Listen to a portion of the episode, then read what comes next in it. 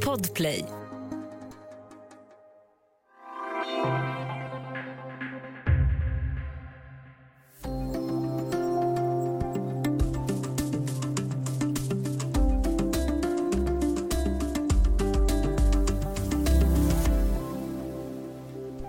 Vildsvinen ökar explosionsartat i Sverige. Vad betyder det för oss människor och går det att få kontroll över djuren? Välkommen till Studio DN med mig Ylke Holago.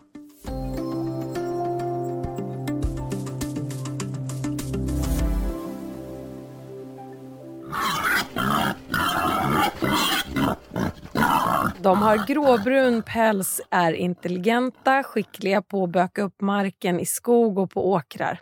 Som fullvuxna väger de mellan 100 och 200 kilo och de blir allt fler i Sverige. Är vildsvinen ett hot eller en möjlighet? Det ska vi prata om nu. Välkommen Annika Karlsson, reporter här på DN. Hej! Hej! Du har precis skrivit en lång artikel om läget för vildsvinen och människorna som påverkas av dem. Om vi börjar med vildsvinets historik i Sverige, hur ser den ut? Den är lång. De kom hit för flera tusen år sedan. Men de utrotades på 1600-talet och sen har det skett flera gånger. Men det, de vildsvin vi pratar om idag, den historien började framförallt på 1970-talet då några rymde. Och bara i slutet på 70-talet var det 50 till 75 vildsvin i hela Sverige och idag är de alltså över 300 000. Och Det är det här vi kallar för den explosionsartade utvecklingen. Vad får det här för konsekvenser att vi har 300 000 vildsvin i Sverige idag? Vi har ju bönder som är förtvivlade. De bökar upp deras marker, äter också det som odlas. De förstör även för skogsbönder, men när de bökar så påverkar det också maskiner, det kommer upp stenar, det är stora kostnader. Du har ju intervjuat 70-åriga Eva-Britt som för ett par år sedan attackerades av ett vildsvin. Hur beskriver hon sin upplevelse? Ja, hon gick ut en kväll för att gå en kvällspromenad med sin hund som vanligt i villaområdet i Fagersta. Så såg hon att det låg några välta soptunnor längs vägen och anade att det var vildsvin som hade kommit och vittrat efter mat igen. Så hon vände. Och då kände hon ju någonting, tittade på henne och så plötsligt så sprang ett vildsvin på henne så hon föll omkull. Hon blev biten i benet. Och hon blev också stucken av eh, svinets bete som trängde, trängde in i hennes ben. Så hon fick ta stelkrampssprutor. Hur känner hon idag inför vildsvin? Hon säger att hon inte är rädd för dem. Det lät som en tuff tant, men jag tror inte hon är så förtjust i dem. Du blev själv inspirerad till att skriva din artikel genom egna upplevelser av eh, vildsvinsspår i naturen. Kan du berätta om det? Jo, men jag tycker om att plocka svamp och eh, jag är inte ensam om att tycka om den här svampen för de älskar att böka upp mina platser där det finns blek taggsvamp. Det är en delikatess även för dem tycks det. Och hur har det sett ut där du har kommit för att plocka på dina favoritsvampställen? Det ser ut som en jordfräs har gått fram. Det är bara välta jordmassor där det tidigare var vacker mossbeklädd mark. Men det, det, ska ju också vara bra för naturen att bökas upp ibland, men vackert är det inte. Och vi har ju alltså omkring 300 000 vildsvin idag. Hur märks det i andra delar av samhället? Vi har ju fått en eh, ny marknad för jägarna, vilket de gläds åt. De har ju fått ett nytt vilt att sikta på och eh, markägare som kan sälja rätten att, eller sälja möjligheten att jaga på sina marker tjänar ju pengar på det här. Men en annan nackdel med den ökade vildsvinsstammen det är också att det blir fler trafikolyckor. Över, förra året var det över 7200 trafikolyckor med vildsvin. Och det ökar stadigt i takt med att vildsvinen blir fler. Och hur, du pratar om de som gynnas av att kunna jaga vildsvin. Men hur är det för de markägare då som inte har jakträtter som krävs? Ja då är det ju framförallt bönder som arrenderar åkermark och så, som inte har några jakträtter. De ser ju bara hur deras investeringar blir förstörda. De kan ju förlora flera månadslöner på grund av vildsvinen. Sen, det finns ju också bönder som själva har jakträtter, mark med jakträtter, men de tycker också att det här är ett problem. Det finns ju bönder som vill sluta för att det ställer till så mycket för dem och det är förluster ständigt. Det, här, det är en slags intressekonflikt som du beskriver här där bönder utan jakträtt alltså får problem med vildsvin som backar upp deras åkrar medan bönder med jakträtt eh, gynnas av att ha de här jakträtterna och till och med ställer ut mat åt vildsvinen för att locka till sig dem.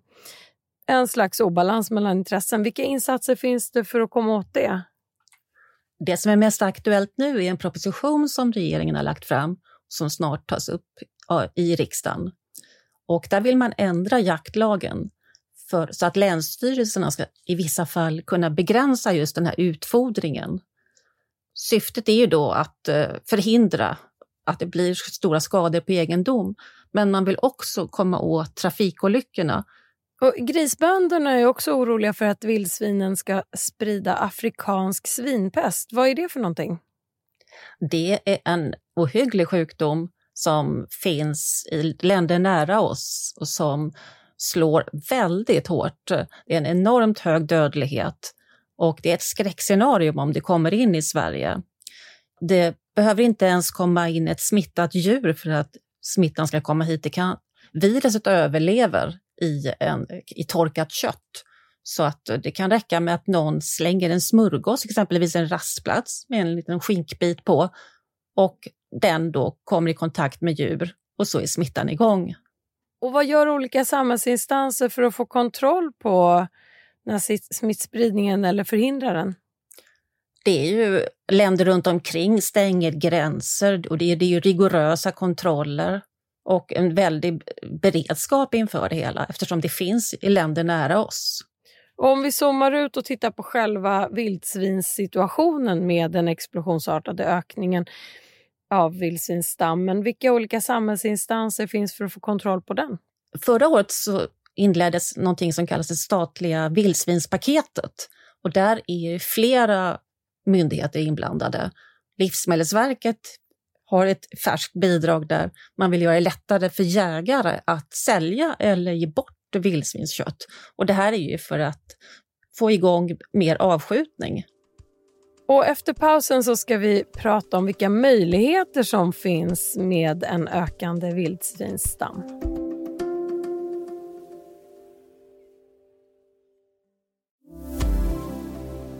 Så Annika Karlsson, reporter här på DN. Om vi tittar på möjligheterna med vildsvin, hur kan vi dra nytta av vildsvinsstammens ökande antal?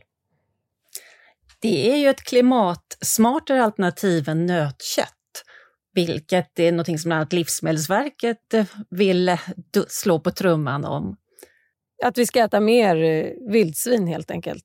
Ja, precis. Och att det liksom finns en win-win situation där. Det kommer att skjutas av fler, plus att vi då äter mat som inte har så stor påfrestning på naturen eftersom de lever vilt och inte är idisslare som släpper ut metan som kossorna gör. Och hur ser intresset för vildsvinskött ut på marknaden? Ja, växande säger en hel del, men samtidigt så finns det ju en eh, väldigt, väldigt många olika åsikter om köttet. Det finns allt från entusiaster till de här skeptikerna som inte vill prova. Vi hörde ju tidigare här om Eva-Britt som du har intervjuat som träffade på ett vildsvin och eh, blev skadad av ett vildsvin och också fick betar in i, intryckta i vaden bland annat. Om jag är ute i skogen och plockar blåbär till exempel och möter ett vildsvin, vad ska jag göra då?